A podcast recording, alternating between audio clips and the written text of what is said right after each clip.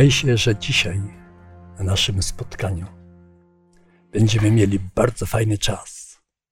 Każdy z Was ma Biblię i uznaje Waszą znajomość Pisma Świętego, ale przyznam Wam się, że od wielu lat mam problem z jedną taką sprawą.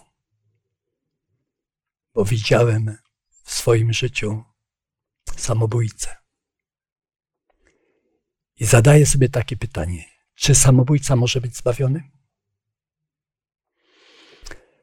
Tym bardziej, że skala samobójstw prawie ciągle wzrasta.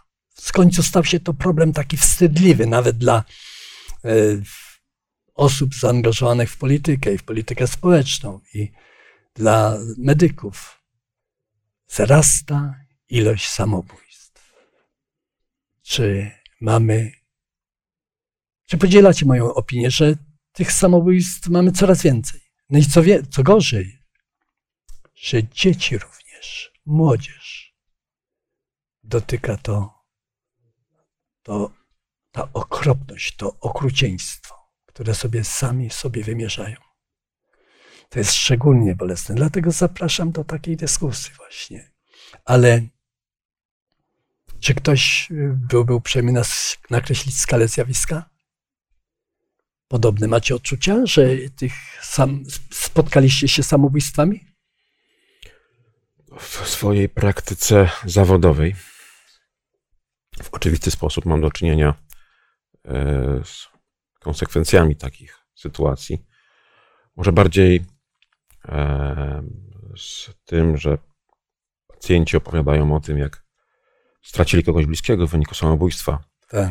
E, oczywiście lecząc depresję, czy lecząc różne problemy związane ze zdrowiem psychicznym, największym zagrożeniem jest samobójstwo.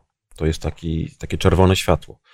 To jest jakby kluczowe e, zagadnienie, które powinno się poruszyć podczas wizyty u psychiatry, żeby określić jakby e, stopień zagrożenia.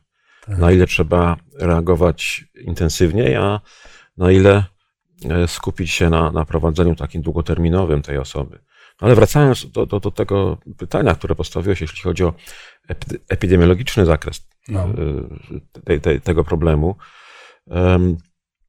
to w połowie lat, w połowie dekady, która właśnie tutaj minęła, e, w roku 2013 zdaje tak, się, tak. był największy szczyt. skok, szczyt liczby Y, samobójstw, wydawałoby się, że to ma jakiś związek z taką no, koniunkturą ekonomiczną, prawda? Że, że w, w sytuacjach e, albo dużego zagrożenia, pogorszeniem sytuacji społeczno-ekonomicznej jest trochę więcej samobójstw, a także paradoksalnie można zauważyć taką, tak, tak, taką y, sytuację również, kiedy jest y, wzrost koniunktury, kiedy wszyscy są e, w tym pędzie, ciekawe. kiedy, kiedy tak. wydaje się, że dla nich najwa- że najważniejsza rzecz właśnie to, to, to, to mieć pracę i generować zysk, zarabiać pieniądze, to gdzieś niektórzy w tym się trochę gubią.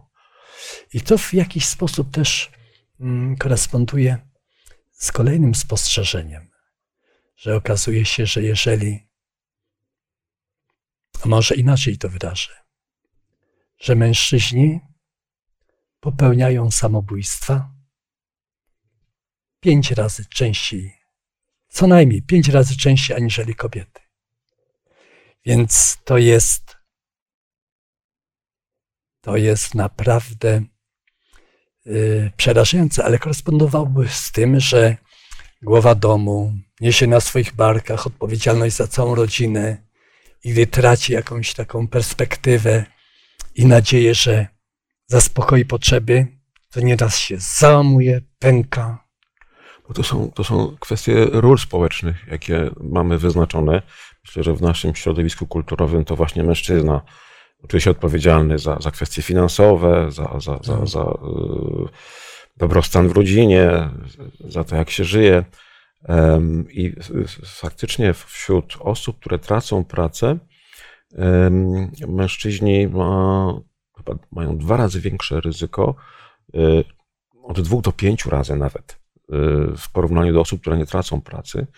I kobiety e, tych samobójstw praktycznie w ogóle nie, po, nie, nie, nie popełniały, jeśli traciły pracę. No. Czyli dla nich utrata pracy jest zupełnie czymś innym, no bo tak, jak tutaj byśmy się wszyscy zgodzili, one mają jeszcze wiele do zrobienia. Tak? Jest rodzina, są dzieci. tak. tak. No ja bym jeszcze do tego dodała, że gdzieś tam nasze y, wymagania społeczne wobec ludzi, wobec tych ról, bo z rolami to jest różnie. Coraz więcej rodzin jest takich, gdzie to kobieta więcej zarabia i kobieta utrzymuje rodziny. Mhm. Natomiast mężczyźni y, po pierwsze są o wiele bardziej skłonni do ryzyka, więc podejmują pewne decyzje obarczone większym ryzykiem, narażeni są na większe straty. Poza tym ta odpowiedzialność, którą się od nich wymaga, że on jest odpowiedzialny, musi coś dostarczyć, musi stanąć na wysokości zadania, nie stanie na wysokości zadania i wtedy bardzo łatwo dojść do załamania i do tych drastycznych kroków. Kobieta z reguły troszeczkę mniej pewna siebie, troszeczkę mniej się od niej wymaga. Ja powiem szczerze, jestem, jestem szczęśliwa, że jestem kobietą, bo ja wiem, że mogę sobie pozwolić na błędy, że nie muszę być doskonała, że jak coś mi się nie uda, to też będzie dobrze. Mąż mnie przytuli, pocieszy, wszystko będzie ok. Poza tym umiem prosić o pomoc umiem wygadać się emocjonalnie, jeżeli jest mi źle, to ja się mogę wypłakać i nikt mi też y, z tego wyrzutów nie zrobi, albo nie powie, że jestem słaba, bo płaczę. Y, mężczyzna, jak płacze, to na ogół przynajmniej otoczenie uważa, że jest słabe, więc myślę, że gdzieś ten mężczyzna ma troszeczkę mniej form takich pomocy. Y, jest bardziej w, tym, tym, w tych swoich problemach osamotniony i przez to może łatwiej niestety podejmuje taką drastyczną decyzję. Można by do tego jeszcze dodać jeden element, mianowicie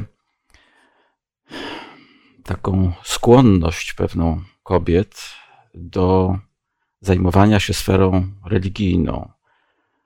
No, mają taką naturalną tendencję do tego, żeby, żeby interesować się kwestiami transcendencji, żeby to życie duchowe również pielęgnować. Mężczyźni może w mniejszym stopniu, stąd też i trudniej im pokonywać problemy i łatwiej zdecydować się no, na takie wyjścia ekstremalne jak samobójstwo.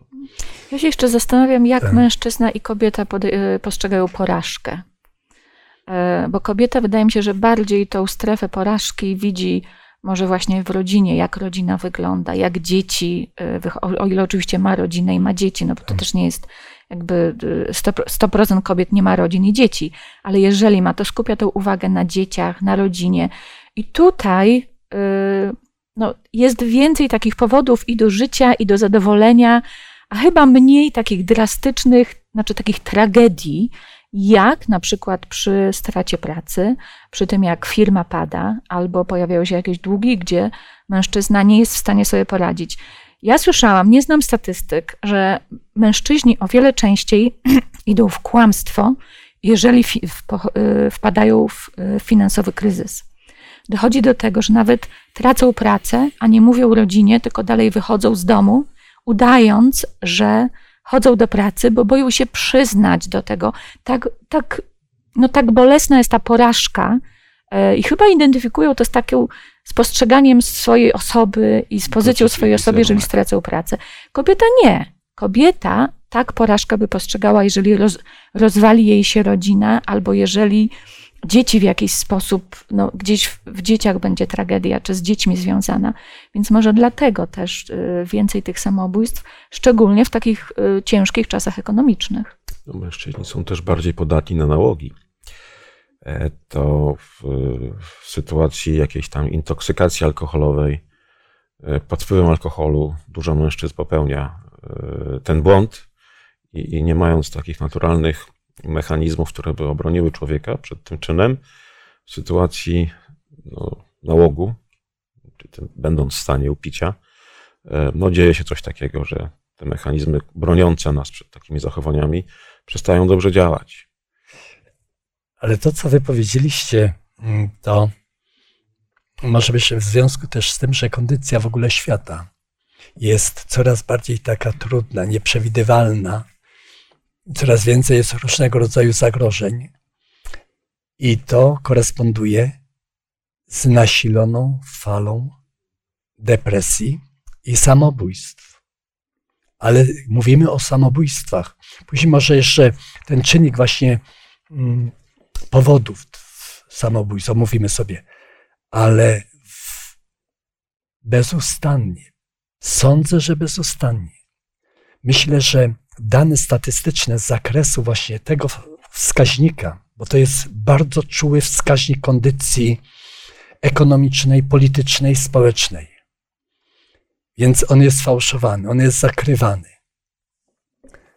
Więc y, nieraz cieszymy się, że przez dwa lata mamy ten sam wskaźnik. Nigdy nie mieliśmy chyba lepszego, tylko że nieraz taki sam, to już cieszymy się jako społeczeństwo, które ma wgląd w tą dokumentację. Ale pogłębia się ilość samobójstw. Pewnego razu mm, przyjechała y, znajoma, która, no może nie znajoma, ja ją tak określam, ale pani naczelnik ze starostwa, która powiedziała, jak zobaczycie dziewczyny w czarnych ubraniach, to pamiętajcie, że może dojść do samobójstwa. Mamy falę samobójstw dzieci, młodzieży. To jest przerażające, że dwulatki, dwunastolatki potrafią odbierać sobie właśnie życie. Więc y, sądzę, że nikt nie zaprzeczyłby, że wzrasta ilość samobójstw. Ale czy w waszym otoczeniu dostrzegliście, że to się przekłada na takie życie? Że kiedy kto z was ostatnio miał takie doświadczenie samobójcą, którego znacie? Bo ja sobie też to próbuję uzmysłowić. Wcale nie tak to nie są takie zdarzenia codzienne, bo też ich jest w Polsce, załóżmy, że no 10 350 mężczyzn bodajże w ostatnim okresie, w 2018, jak Narodowy Instytut Zdrowia Publicznego ogłosił, tyle popełniło mężczyzn, y, samobójstw, tyle samobójstw popełnionych przez mężczyzn. No kobiety jeszcze mm, z tego jedną piątą, 20%, prawda? Tu mamy około 12-13 tysięcy. Przeszło 13 tysięcy. I to się rozkłada na cały rok, na całą Polskę. Ale mimo wszystko to są wielkie, słuchajcie, straty. No ja y, Bogu dziękuję, że nie miałam do czynienia z samobójcami, ale wśród moich bardzo bliskich dwie kobiety podjęły, podjęły próbę samobójczą. Mhm. Ale wierzę, że Bóg je uratował w jakimś celu. Mhm.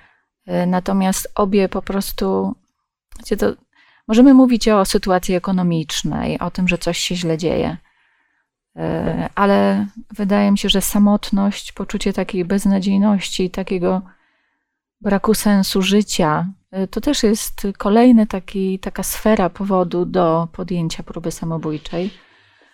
Poczucie bez siły, jeżeli coś się dzieje, ale chyba też ta samotność czasami brak umiejętności poproszenia o pomoc, a czasami proszenie o pomoc, a nie otrzymanie tej pomocy. I faktycznie człowiek zostaje sam.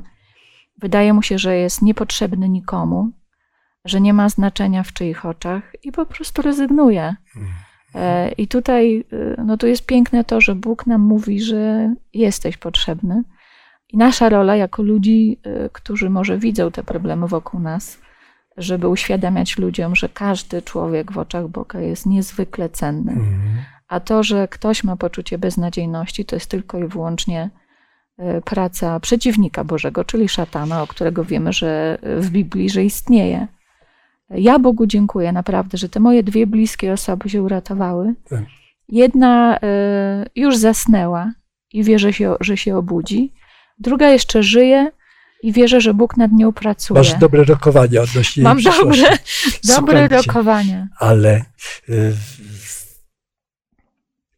to, co podniosła tutaj tą kwestię Małgosia, że ta samotność jest taka, takim ważnym czynnikiem. Na pewno samotność jest taki splot zdarzeń, chociaż może nie o, mówię o takich, no, takich osobistych, ale odczucie samotności. Jeżeli w 2018 roku, w listopadzie, w Anglii powołano Ministerstwo do Spraw Samotności, to coś to znaczy. Samotność jest wielkim problemem. Samotność jest bardzo ściśle związana y, z, no, z depresją. bo człowiek jest istotą społeczną. Ktoś tak pięknie powiedział, że jeżeli nie możesz nazwać na tej ziemi chociaż jednej osoby, która jest Twoją, to jesteś strasznie samotny. A jeżeli możesz chociaż jedną, to już jest fantastycznie. Więc postęp laicyzacji społeczeństwa, laicyzacji, wypierania Boga ze świadomości i niesienia tego wszystko później osobiście na własnych barkach.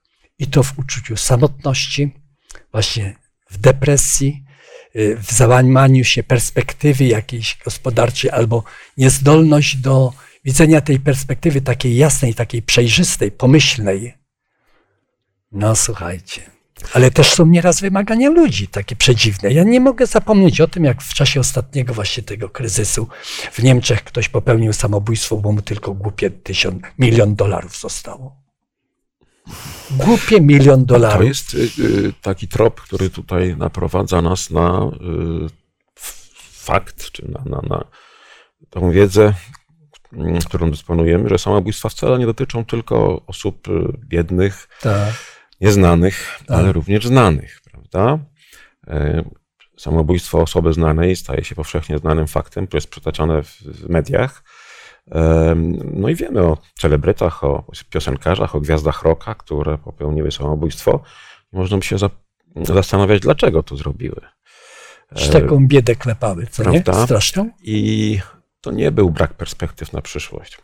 To był problem, bo były na ten temat analizy i myślę, że, że, że, że większość z nich się zgadzała co do tego, że bycie osobą kreatywną, bycie osobą, która chce o czymś powiedzieć światu, często jest związane z tym, że ta osoba miała po prostu trudną przeszłość.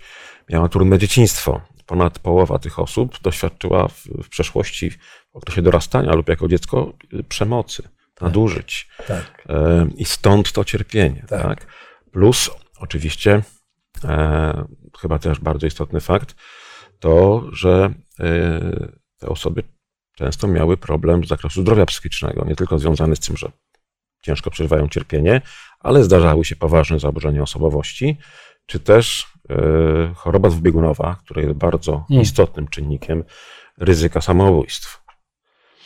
Ale słuchajcie, jeżeli mówimy o tym, że te doświadczenia wczesno-dziecięce, wczesno-młodzieńcze wpływają na mm, właśnie na depresję, to działa to na tej zasadzie, że później jakiekolwiek skojarzenie uruchamia taką lawinę wyobrażeń, a ponieważ fak, faktyczne zdarzenia, a wyobrażeniowe przeżywamy podobnie, to potrafi zalać człowieka znowu ta cała fala wspomnień razem z, z procesami fizjologicznymi charakterystycznymi dla takich myśli. I człowiek cierpi. Człowiek naprawdę cierpi. Więc jest jedna taka grupa, która związane z tymi czynnikami, które wymieniliśmy. Ale też i o dziwo, to, że starsze osoby w naszej, w naszych polskich warunkach częściej popełniają samobójstwa, to właśnie też o tym świadczy, że się nieraz mówi, a nie, wie, nie wiadomo, czy system emerytalny będzie działał, że nie wiadomo, mm, no, kto się zaopiekuje daną osobą? Czy ją będzie stać na pełną opiekę? Ja kiedyś spotkałem osobę, która, słuchajcie, pojechałem gdzieś tam po miód na wioskę i wszedłem do przypadkowej takiej pani. I ona oglądała telewizor, tele, program telewizyjny i była taka zaszokowana. Mówi, popatrzcie, oni te wszystkie kryjówki które by, były dla nas taką ochroną w czasie II wojny światowej, pokazują w filmach. Teraz jak Niemcy przyjdą, to już nie będziemy mieli gdzie się schować. Dosłownie Ale ten sam tekst. Jej osobiste hmm? doświadczenie powoduje, że pewne zdarzenia napędzają y, y, te możliwe, że doświadczenia z dzieciństwa, czy takie traumatyczne zdarzenia. Ale są też sezonowe okresy, gdy zwiększa się ilość samobójstw. Ja może jeszcze nawiążę do tego, bo ten Proszę. sam tekst parę dni temu też mhm. od pewnej osoby słyszałam. Ja tylko z, y, zdziwiłam się, jaki to ma w ogóle sens i jakie znaczenie. Natomiast wydaje mi się, że to jest kwestia też budowania takiej fałszywej rzeczywistości wokół nas. i mass media, a przede wszystkim telewizja, niestety y, tworzą fałszywą rzeczywistość. Jeżeli takie starsze osoby, nie tylko starsze, jeżeli takie jakiekolwiek osoby czerpią y, większość wiedzy o otaczającym świecie właśnie z mass mediów, to ja się nie dziwię, że y, jeszcze jeżeli są samotne Tak. i nie mają możliwości podyskutowania z kimś, albo jeżeli nie są wierzące i nie mają możliwości skonfrontowa- skonfrontowania tego jeszcze z Biblią, żeby wiedzieć, co się Tak. dzieje, dlaczego, jaki będzie koniec, Tak. to faktycznie no, do depresji jest bardzo blisko. Tak. E, No nie wiem, czy wy zauważyliście, ale teraz to, co się dzieje w mass mediach, to ja mam wrażenie, że pobudza naprawdę ludzi do agresji, do zniechęcenia, do nienawiści, do takiego właśnie poczucia beznadziejności. I to jest duży element w tym, jeżeli człowiek nie ma innej alternatywy poznania rzeczywistości i rozmowy, e, no to niestety Tak. no, ma pewne zaburzenia, które prowadzą do czasami niestety tragedii. Psychologia mówi w ten sposób, że możesz być w jednym kanale informacyjnym, możesz być w dwóch kanałach informacyjnych, możesz być w trzech, możesz być w czterech. I mądrość człowieka powinna polegać na tym, żeby był w kilku kanałach informacyjnych, żeby osłuchał się. Dlatego, że w tych mediach, w tym głównym nurcie, to tylko zła informacja jest dobrą informacją. W psychologii odnotowano takie zdarzenie, gdy y, gdzieś na kampusie studenckim został przez policjanta zastrzelony student. I była wielka manifestacja. Zjechali się studenci, wystosowali pismo do burmistrza czy do naczelnika policji, żeby mm, pozwolił im na protest. Oczywiście im zakazano. Powiedzieli, pójdziemy chodnikiem. A policja powiedziała, a jak zboczycie z chodnika, to was wypałujemy. I przemówił głos rozsądku komendanta policji, który bardzo pojednawcze pismo napisał. Następnie jedna dziewczyna piła tam jakąś Coca-Colę, przechodzący policjant, urzeczony jej pięknem, powiedział: Dałabyś się napić. No i dała mu tą Coca-Colę. I zmieniła się, zmieniły się warunki. Rozprzestrzeniała się taka fala ugody. I zaczęli operatorzy, którzy wynajęli, e, rozumiesz, e, przestrzenie na dachach, na balkonach, schodzić. Pytają się, czemu to nie filmujecie? Mówi, nie ma co filmować. Tylko zła informacja jest dobrą. Mhm. I jeżeli tak patrzymy, to zaczynamy ten świat w krzywym, zdeformowanym świetle widzieć. Wydaje mi się, że właśnie to, to zaczerpnięcie tego świeżego oddechu z Pisma Świętego jest czymś niezwykle ważnym. Paweł, chciałeś coś, tak? Czy chciałem- Jacek, proszę? Proszę. No, chciałem tylko dorzucić do tego właśnie, y, wspomnieliście, że media kreują mm, fałszywy obraz świata. Y, I to jest czynione z premedytacją dla osiągnięcia pewnych celów, to jest, to jest jasne. Oprócz tego odbierają ludziom czas, ponieważ przedstawiają ten świat w tak migotliwym, pociągającym stylu, że ludzie zamiast do, iść do sąsiada obok i dowiedzieć się, co tam się dzieje, czemu trzeba, nie trzeba pomóc, albo zwyczajnie iść się wygadać, to wolą siedzieć i oglądać w telewizji, co dzieje się u sąsiada za ścianą. To jest to tragiczne nieporozumienie, prawda? Potem narzekania na to, że nie ma właściwych kontaktów społecznych, to też wspominaliście o tym mm, przed chwilą, prawda? No skąd one się mają brać, jeśli nie ma wyjścia do drugiego człowieka, prawda? A z kolei jest grupa osób, które nie wychodzą do drugiego człowieka, bo dochodzą do wniosku, że właściwie każdą informację są w stanie uzyskać z Wikipedii. To po co rozmawiać z drugim człowiekiem, prawda? Tak. I w związku z tym ten obszar samotności się poszerza, samotności wśród y, tłumów, wśród ludzi, a to z kolei no, popycha człowieka potem do zachowań depresyjnych, no i również do prób samobójczych. Pytałeś Tak, o tą tak, sezonowość. no. W internecie i w mass mediach chyba nie ma sezonowości. To chyba, że jest sezon ogórkowy, choć też ostatnio go nie ma. Więc y, Ale w Szwajcarii mówią, i nawet prawodawstwo szwajcarskie jest prawdopodobnie łagodne dla przypadków takich, gdy, sieją bar, gdy wieją bardzo silne wiatry, to bywają jakieś zaburzenia psychiczne, Czyli prawda środowiskowe takie cechy. Tak, Aha. no, tak, tak, to prawda. Czyli te geograficzne y, uwarunkowania, tam gdzie jest więcej światła, gdzie jest jakieś A tak. meteorologiczne uwarunkowania, no to to jest też zaskakujące, jak sprawdzaliśmy. Najwięcej samobójstw jest y, na Litwie ostatnio i Słowenii. W Finlandii też Finlandia też, prawda? Ale- tak? Tak, tak, ale ta Słowenia jako y, tutaj coś, co no, kraj, który leży na, na, na południu, wydawałoby się, że powinien być w jakiś sposób chroniony witaminą D, światłem, prawda? Tak. E, No świadczy o tym, że pewnie jakieś uwarunkowania kulturowe, tak jak Aha. południowa Korea, prawda? Też, też jest dużo, dużo samobójstw. Tak, bo tam ma też samobójstwo nieraz taki wydźwięk rehabilitacji za jakiś, jakiś nietak czy jakiś błąd, prawda, honorowe samobójstwo. Ale wiecie, co jeszcze tak wydaje się niezwykle ważne w tych wszystkich sprawach, że człowiek nie powinien mieć jednego obszaru zainteresowań. Ja się przekonałem, że gdy ja miałem trudne takie chwile w życiu, to szedłem sobie do pszczółek moich.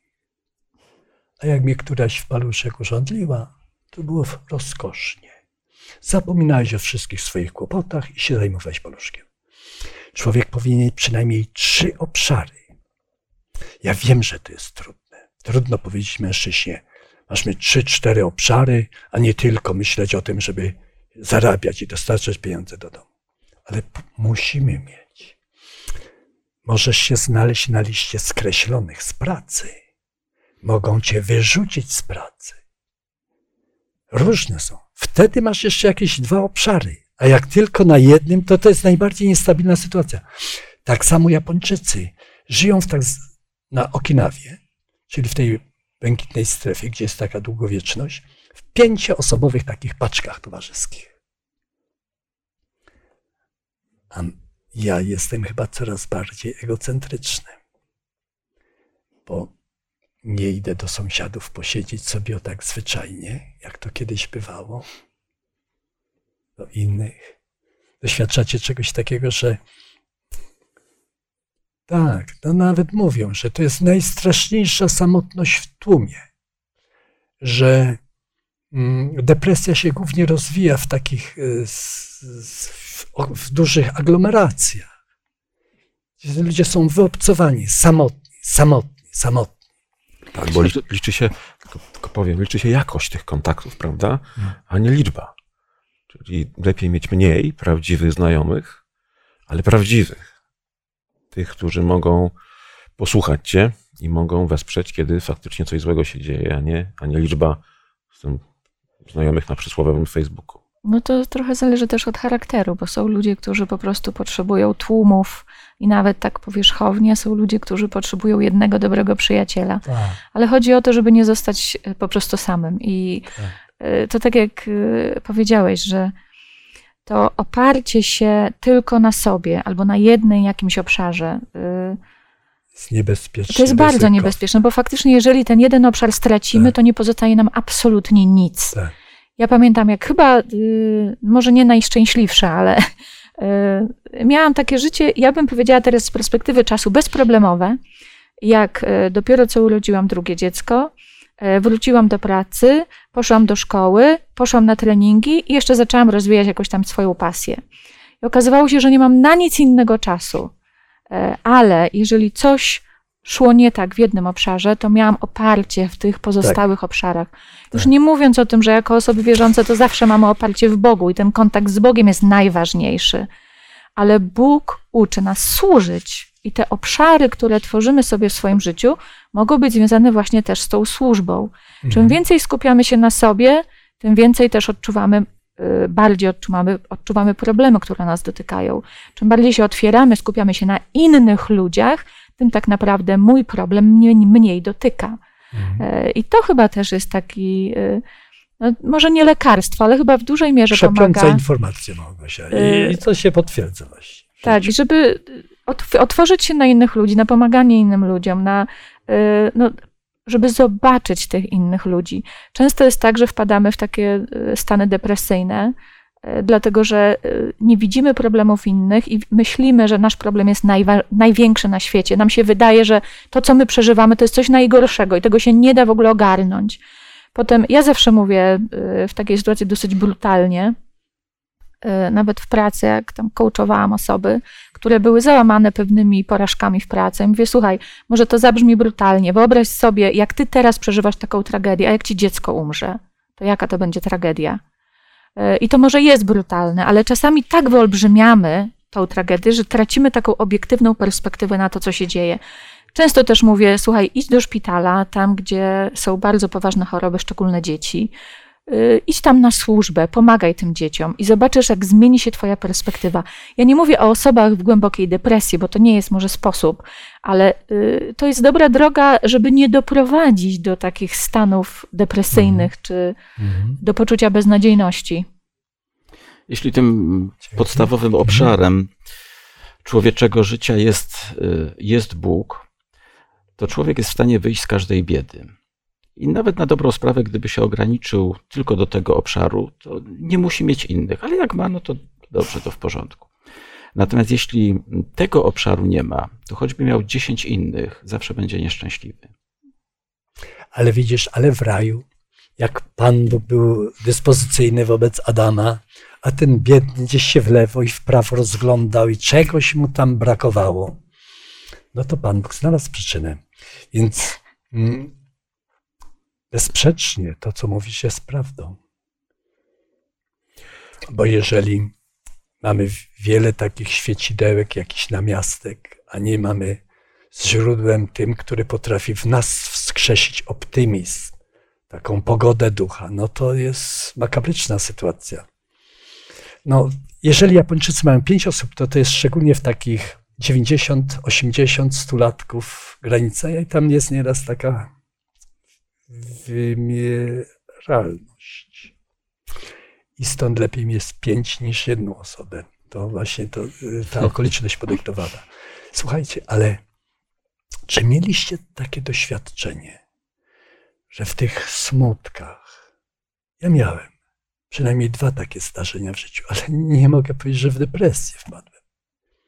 Ale taki dogłębny smutek, że się tam na czymś, na czymś, na kimś tam zawiodłem, albo kogoś tam straciłem z, kolegów, czy z najbliższych mi osób. I i bez Boga to nie wiem, jakbym sobie poradził.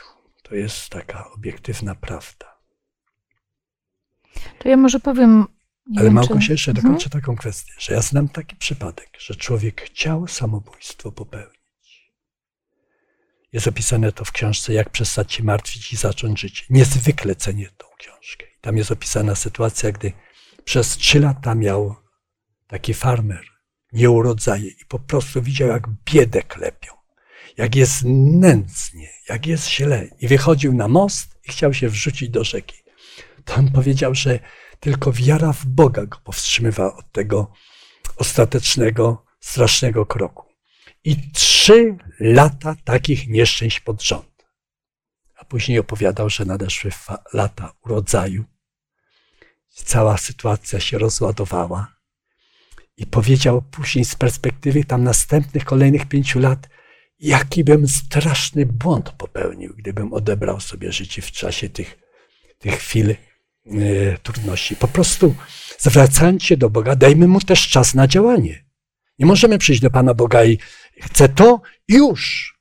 Prawda? Ale zadałeś to kluczowe pytanie i jeszcze się nie zbliżyliśmy do odpowiedzi. Em, Ale małymi kroczkami idziemy. Właśnie. I, y, jeśli mamy do czynienia z kimś, kto jeszcze nie jest ukształtowany, kto ma te wartości y, w sposób fałszywy przedstawione przez media na przykład, przez internet, jak małe dzieci, prawda? Małe dzieci czy dorastające, e, dorastającą młodzież, dla której dorośli nie mieli wystarczająco dużo czasu, to jeśli ktoś taki e, jest w poczuciu straty albo w poczuciu winy, albo ma wrażenie, że rówieśnicy się z niego naśmiewają, albo zaznał jakiegoś wielkiego upokorzenia i jeszcze nie ma ugruntowanego swojego poczucia wartości, chociażby no, w tym, że jest ważny, bo jest kochany przez osobę bliską, albo, albo nawet jeśli by wierzył w przesłanie biblijne, że po prostu jest dzieckiem Boga. No. To ktoś taki, nie mając pełnej dojrzałości, jeśli ktoś taki popełnia samobójstwo pochopnie, lekkomyślnie można powiedzieć, to myślicie, że Bóg w jakiś tam sposób w swojej analizie nie będzie miał, nie weźmie pod uwagę tej jego niedojrzałości umysłu? No, Ja powiem szczerze, że dla mnie odpowiedź jest prosta, że Bóg zna serca. E, Wiemy, że zbawienie jest z wiary e, i to Bóg oceni, jestem ostatnią osobą, która bym w stanie y, ocenić i powiedzieć, czy tak, czy nie. Nie ma, moim zdaniem, nie ma w Biblii przynajmniej takich przesłanek, który by powiedział, każda osoba, która popełnia samobójstwo, nie może być zbawiona. Nie ma czegoś takiego w Biblii, ale jest napisane zbawiony z wiary, z łaski. I teraz, co jest w sercu tej osoby? I też jest napisane, że jesteśmy rozliczani według wiedzy, jaką mamy. Czyli komu wiele dano, od tego będzie, będzie się wiele wymagać. E, jaką ta osoba ma w porównaniu do wiedzy, którą Bóg mu dał przez życie, czy przez to jakiś świat go otaczał, czy cokolwiek, jaką ona ma dojrzałość, Bóg oceni e, i jakby, może dziwnie to zabrzmi, ale oceni jego wiarę. Bo z drugiej strony, jeżeli ktoś popełnia samobójstwo, a świadomie odrzuca Boga i nie wierzy w to, że może być zbawiony, czy będzie zbawiony, dla mnie też jest odpowiedź oczywista: nie będzie bo on nie uwierzył i świadomie odrzucił. Inna sfera jest tych osób, które my nie wiemy, na ile miały tej świadomości. I to oceni Bóg, bo zbawienie jest z wiary, a wiarę może ocenić tylko Bóg. Jeśli można. Jesteśmy w komfortowej sytuacji, kiedy mówimy tutaj o, o kwestiach samobójstwa i, no i późniejszej kwalifikacji do życia wiecznego albo nie to jesteśmy w komfortowej sytuacji, ponieważ to nie należy do nas, prawda? Wszelkie tego rodzaju wyrokowanie Bóg zagwarantował tylko sobie i nikomu nie dał prawa do tak, takich ocen. My możemy powiedzieć człowiekowi, jaka jest droga do zbawienia. I powiedzieć, że jeśli tą drogą pójdzie, prawda, z Biblii tam podamy zasady pewne, to jeśli tą drogą pójdzie, to na pewno będzie zbawiony. To, to możemy człowiekowi obiecać. Możemy mu też obiecać, że jeśli właśnie świadomie wybierze inną drogę, no to pożegna się ze zbawieniem, ale nigdy nie wolno nam powiedzieć, że ponieważ ten człowiek w sposób widoczny wybrał taką drogę, to na pewno nie będzie zbawiony. To do nas nie należy, prawda? Ale, powie... ale ja dokończę jeszcze, mhm. dobrze? I to jest pewna kwestia naprawdę komfortowa, ponieważ pozwala nam na każdego człowieka mm, popatrzeć z nadzieją. Popatrzeć z nadzieją. I teraz jest y, dalsza sprawa, no bo ktoś sam sobie odbiera życie, prawda? Wydaje się, że sprawa jest beznadziejna. Nie, nie jest beznadziejna, ponieważ właśnie tak jak wspominaliście, my nie wiemy w jakim stanie umysłu ten człowiek był, prawda? A ten umysł mógł być daleko, daleko zamącony, choćby poprzez y, terapię, choćby poprzez tortury na przykład, które potrafią w sposób trwały upośledzić umysł człowieka, sposób, y, jego, jego świadomość, prawda? I Bóg to wszystko bierze, bierze pod uwagę. Prawda? Poza tym, y, nigdy nie jesteśmy w stanie powiedzieć, jakie były ostatnie chwile tego człowieka, kiedy on odchodził, prawda? A przecież mamy piękny przykład Łotra, jednego z dwóch ukrzyżowanych wraz z Panem Jezusem, który no, nieomal taką, takim duchowym rzutem na taśmę zyskał zbawienie, prawda? Ktoś powie, no dobrze, ale jeśli sobie człowiek przystawia pistolet do głowy, robi pach, prawda, no to jakie tam, jaki tam czas? A to my nie wiemy, jaki czas. My nie wiemy, jak rozegrały się jego ostatnie chwile z Bogiem, prawda?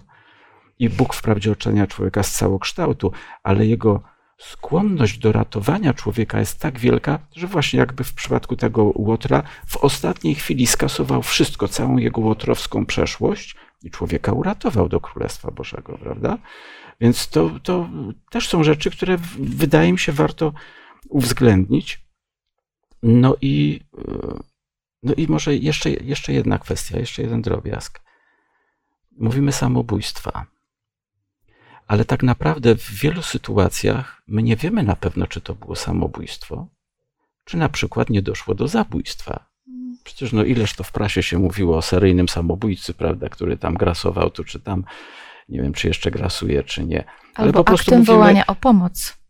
No, no więc właśnie, prawda? Więc to jest sprawa tak wielowątkowa, że nikt nie ma prawa powiedzieć, że jeśli dany człowiek odebrał sobie życie, to on na pewno nie będzie zbawiony.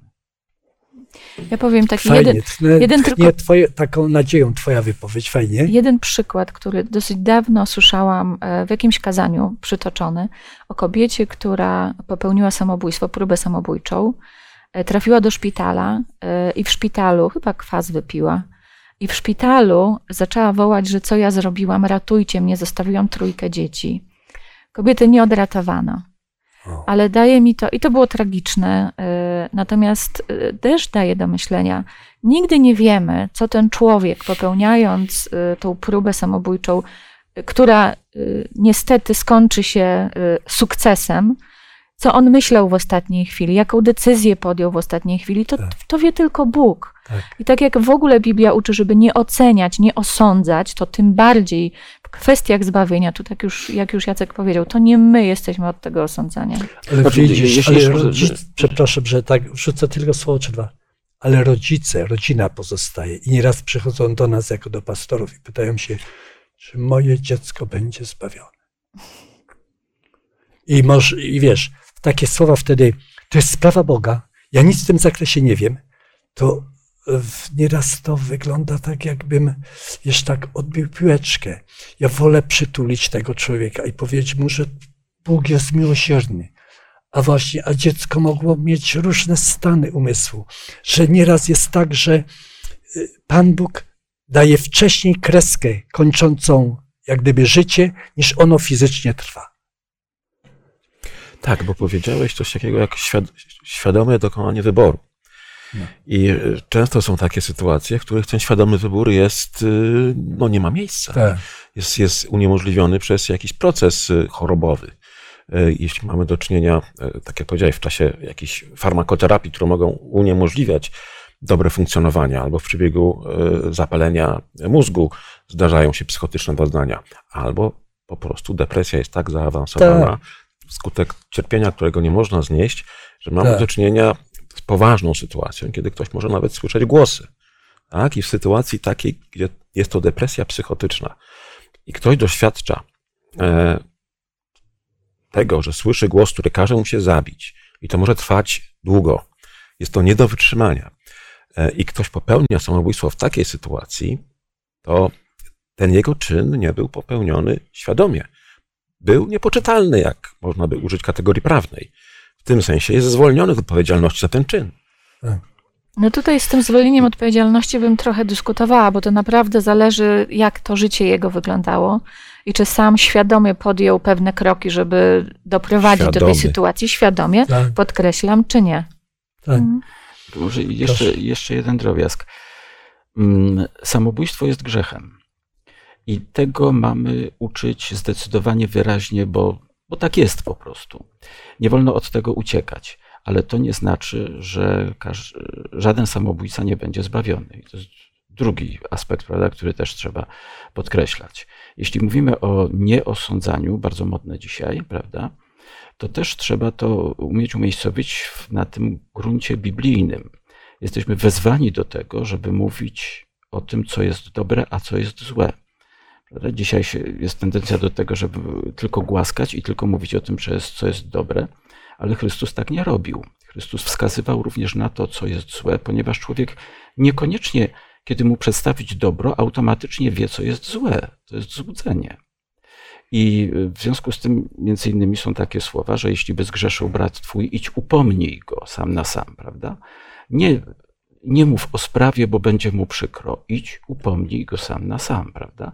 A więc jesteśmy wezwani do tego, żeby poddawać ocenie zachowania drugiego człowieka, ale nie całokształt jego samego, prawda? I w tym ujęciu możemy się zgodzić naturalnie, że nie jesteśmy powołani do tego, żeby wydawać osąd całościowy o człowieku, osąd, który go kwalifikuje do życia wiecznego albo nie.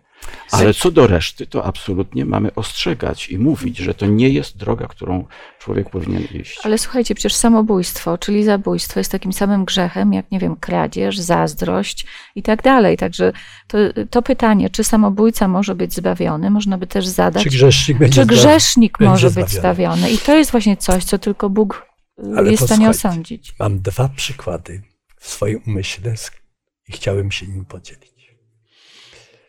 Moja koleżanka,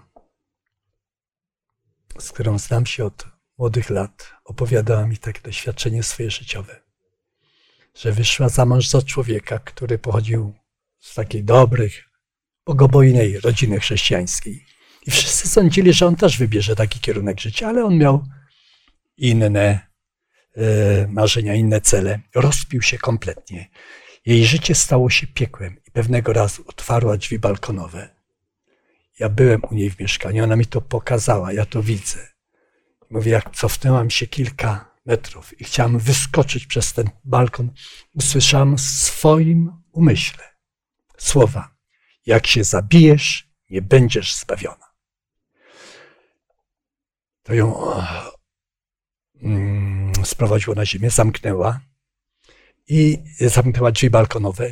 I słuchajcie, i okazało się, że w krótkim czasie ten mąż zmienił się no, nie do poznania.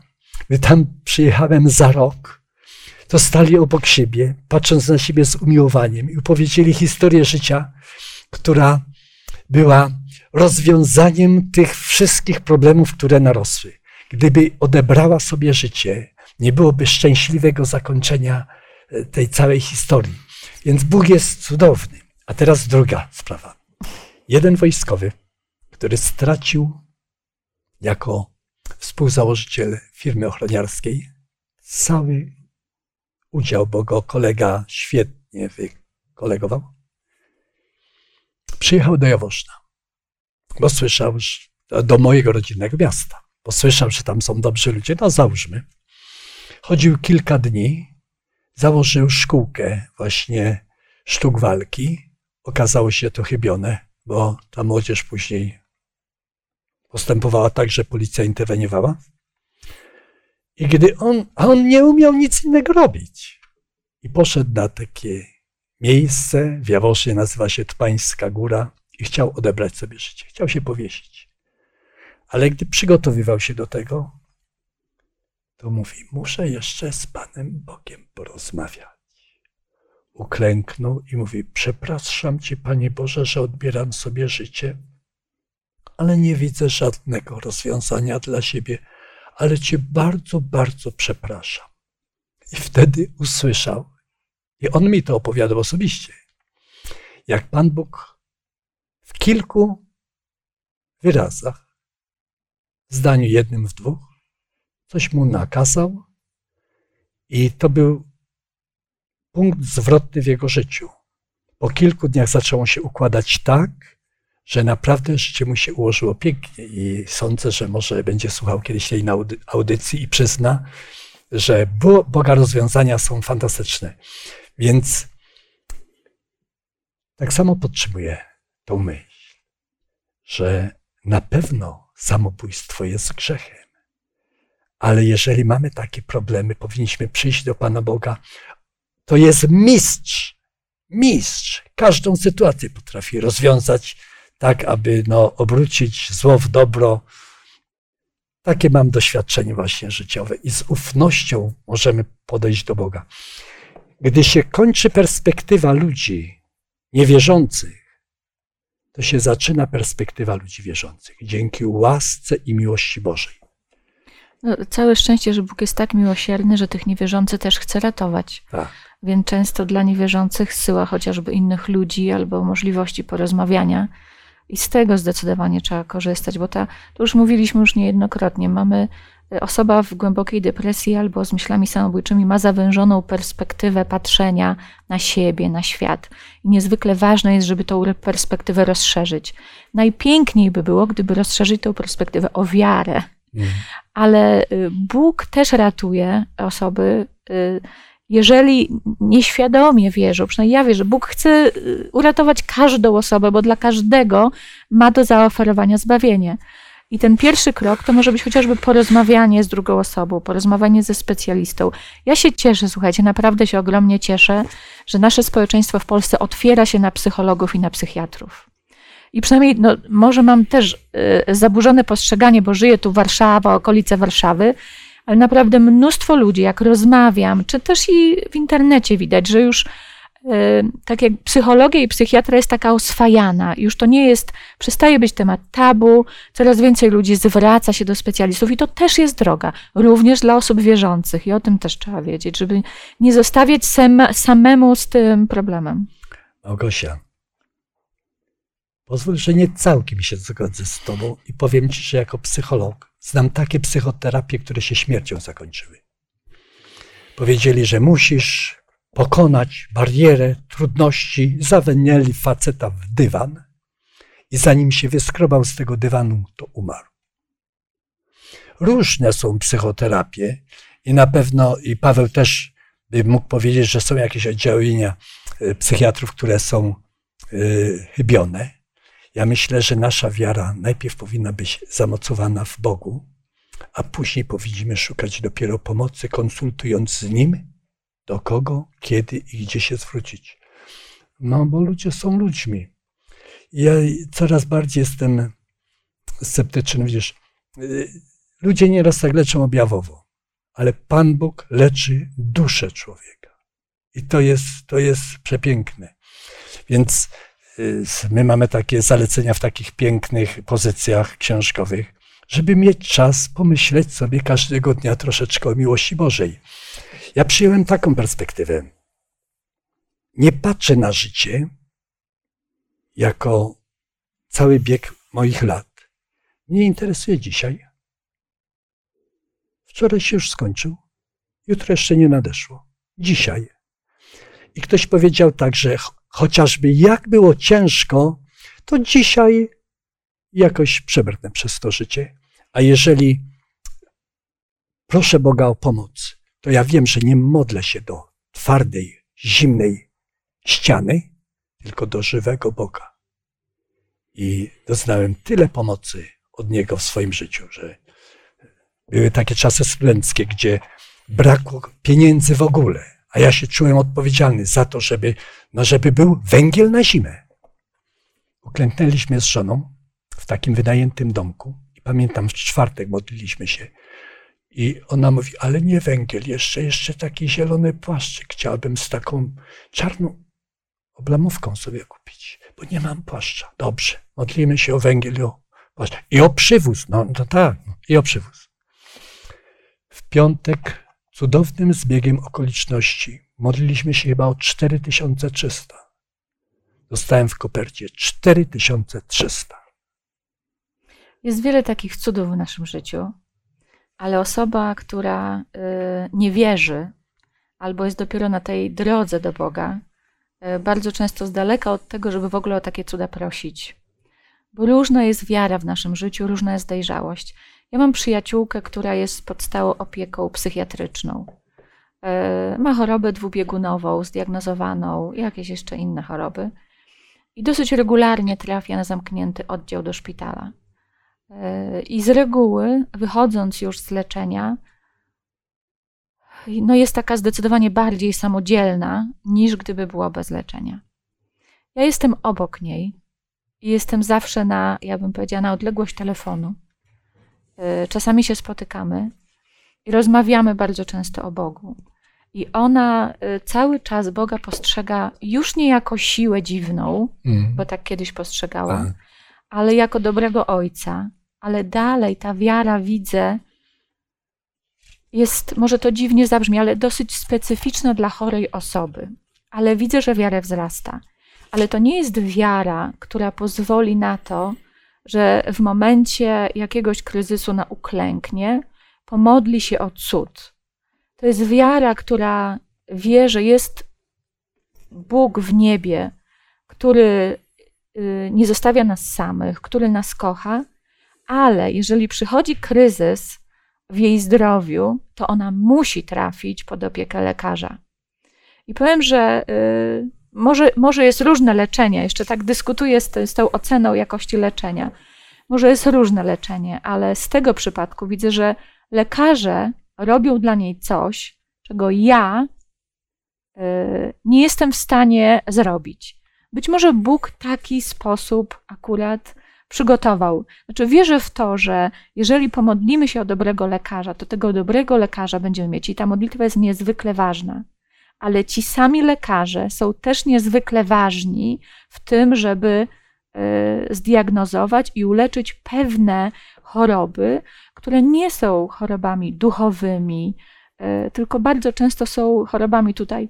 E, ty się na pewno lepiej wypowiesz na bazie jakiejś chemii, czy tego, jak nasz organizm działa. I tutaj lekarz jest potrzebny, szczególnie dla osoby, która na tej drodze wiary jest na pewnym etapie, ale nawet dla osoby głęboko wierzącej. Naprawdę myślę, że często z tą modlitwą dobrego lekarza do lekarza po prostu trzeba się udać. No, Na pewno nie chodzi o to, żeby e, zaniedbywać leczenia. E, to zwykłe, standardowe. Absolutnie nie, nie w tym rzecz. Natomiast pomagając człowiekowi, warto kształtować w nim przekonanie, że o ile Bóg potrafi wszystko zrobić, to co robi zwykły lekarz, to zwykły lekarz nigdy nie wejdzie w kompetencje Boże. Prawda? I zgadzam się, że człowiek musi do tego dorosnąć, żeby to przyjąć, zaakceptować, korzystać z tego, na pewno tak. Ale, mm, ale z naszej strony po prostu trzeba zrobić wszystko, żeby człowiekowi to uświadomić, że mogą się zdarzyć sytuacje, w, której, w których wszyscy rozłożą ręce, nie będzie nic do zrobienia, a wciąż pozostanie ten dobry lekarz. Wiecie, nam się nieraz wydaje, że i tak chyba jest, że my tworzymy taką enklawę. Takie, takie towarzystwo, które się zna i które może powiedzieć, że znamy Pismo Święte, czytamy Pismo Święte, że mamy jakieś doświadczenia z Bogiem i to nas strzeże przed depresją, przed jakimś załamaniem. Nieprawda. Nieprawda. Y, słyszałem nawet, jak ktoś tak, y, wiesz, kategorycznie powiedział, że wierzący ludzie nie mają depresji. Otóż okazuje się, że depresja nie wynika tylko ze stanu ducha, umysłu czy z jakichś schorzeń, ale jest cała taka grupa czynników, które gdy się zaniedba, to, to może można wpaść w depresję. Nie wiem, czy tak wszystkie wymienię, ale na pewno jest bardzo ważna dieta, aktywność fizyczna, kontakt ze słoneczkiem, y, wypoczynek, sen, pielęgnowanie takich myśli optymistycznych, a nie oddawanie się takiej, no, tak zwanej ruminacji, czyli przyciąganie myślami tylko to, co złe, to, co złe, to, co złe, to, co złe.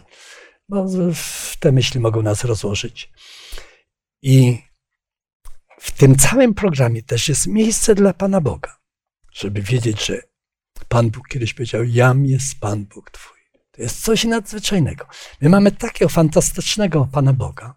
Jezus jest postacią, która jest promienna na całe wieki. Wszyscy filozofowie nie zrobili tyle dla ludzkości, co Pan Jezus przez 3,5 roku pobytu na ziemi.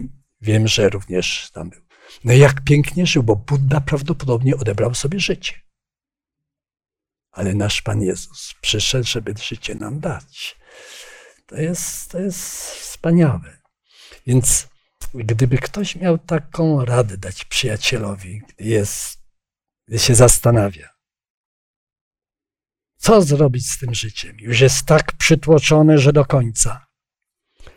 A gdybyśmy mieli dać radę rodzinie, która stoi zapłakana, zasmucona, bo ktoś odszedł, właśnie w tak dramatyczny, drastyczny sposób, no to co byście powiedzieli?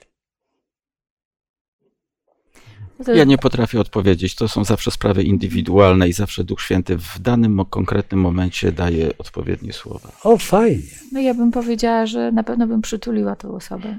To jest chyba pierwsze, co trzeba robić. Rada jest bardzo indywidualna, e, ale od rad, ja, ja nie lubię w ogóle radzić. E, natomiast e, chętnie pomogę, jeżeli mam możliwość. Więc takie pomaganie, czy, czy dobrym słowem, czy zaoferowanie pomocy, czy zapewnienie właśnie o tej, o tej miłości Bożej, o naszej miłości do tego drugiego człowieka, o tym, że dla nas jest droga, cenna. E, no, to jest i przypominanie tych nadziei, które e, Bóg dał w Biblii chociażby, obietnic, które daje nam. To chyba to przychodzi mi pierwsze do głowy. I to jest fajne, wiesz, bo profesjonaliści to tak leczą, mm, zachowując dystans biurka. A człowiek innej oczekuje pomocy. Dziś czytałem taki podręcznik dla takich duszpasterzy, że nieraz przyjdziesz pocieszyć osoby, które y, przeżywają śmierć jakiejś bliskiej osoby, to nieraz słowa nie mają naprawdę już sensu. No bo co powiesz? Ale jak przytulisz kogoś i, post- i będziesz z nim, i on odczuje tą, tą przyjacielskość, tą życzliwość, to jesteśmy po prostu nieraz rękami Pana Boga w takich sytuacjach. I warto zachować właśnie to ciepło. My jesteśmy takim społeczeństwem, przeszliśmy na to społeczeństwo zimnego chowu. dystans angielski metr. Arabowie to jak rozmawiają, to ten wypuści powietrze, a ten wdycha go za chwilę. Tak bliziutko są sobą. I nieraz nam tej bliskości brakuje. I warto wiedzieć, że obdarzanie kogoś ciepłem i serdecznością i tak tchnienie w niego wiary w Boga jest też świetną terapią. No właśnie, bo to jest sytuacja taka graniczna, kiedy wydaje się, że wszystkie y, racjonalne mm, możliwości oddziaływania, to czym dysponujemy, to nie sprawdza się. Tak? Ale Bóg jest Bogiem rzeczy niemożliwych w naszej perspektywy. Jeśli mówimy o Bogu, no to mówimy o takim Bogu, który jest prawdziwy, w sensie, że jest wszechmocny, wszechobecny, e, więc słyszy nas, wie, co doświadczamy. Jeśli miałby ochotę wysłuchać naszego problemu, to pewnie by jakieś oddziaływanie podjął. I on może je podejmuje, tylko my nie wiemy, kiedy ono zostanie zrealizowane. W tym sensie e, rozpacz człowieka, który jest wierzący, w, naszym świecie takim upadłym jest y, w pewnym sensie nieunikniona. Ona się zdarza. Ja przygotowałem sobie jeden werset, nie wiem, może pozwolicie, że przytoczę. Ależ proszę bardzo. E, historia Eliasza, tak, znana. On musiał się chronić przed zemstą e, Jezebel, tak, która postanowiła zniszczyć, zabić wszystkich proroków, tych proroków prawdziwego Boga. Uciekał przez pustynię, był wykończony, być może tracił nadzieję i przeczytam ten jeden werset. Sam zaś poszedł na pustynię, o jeden dzień drogi, a doszedłszy tam, usiadł pod krzakiem jałowca i życzył sobie śmierci, mówiąc: Dosyć już, panie, weź życie moje, gdyż nie jestem lepszy niż moi ojcowie.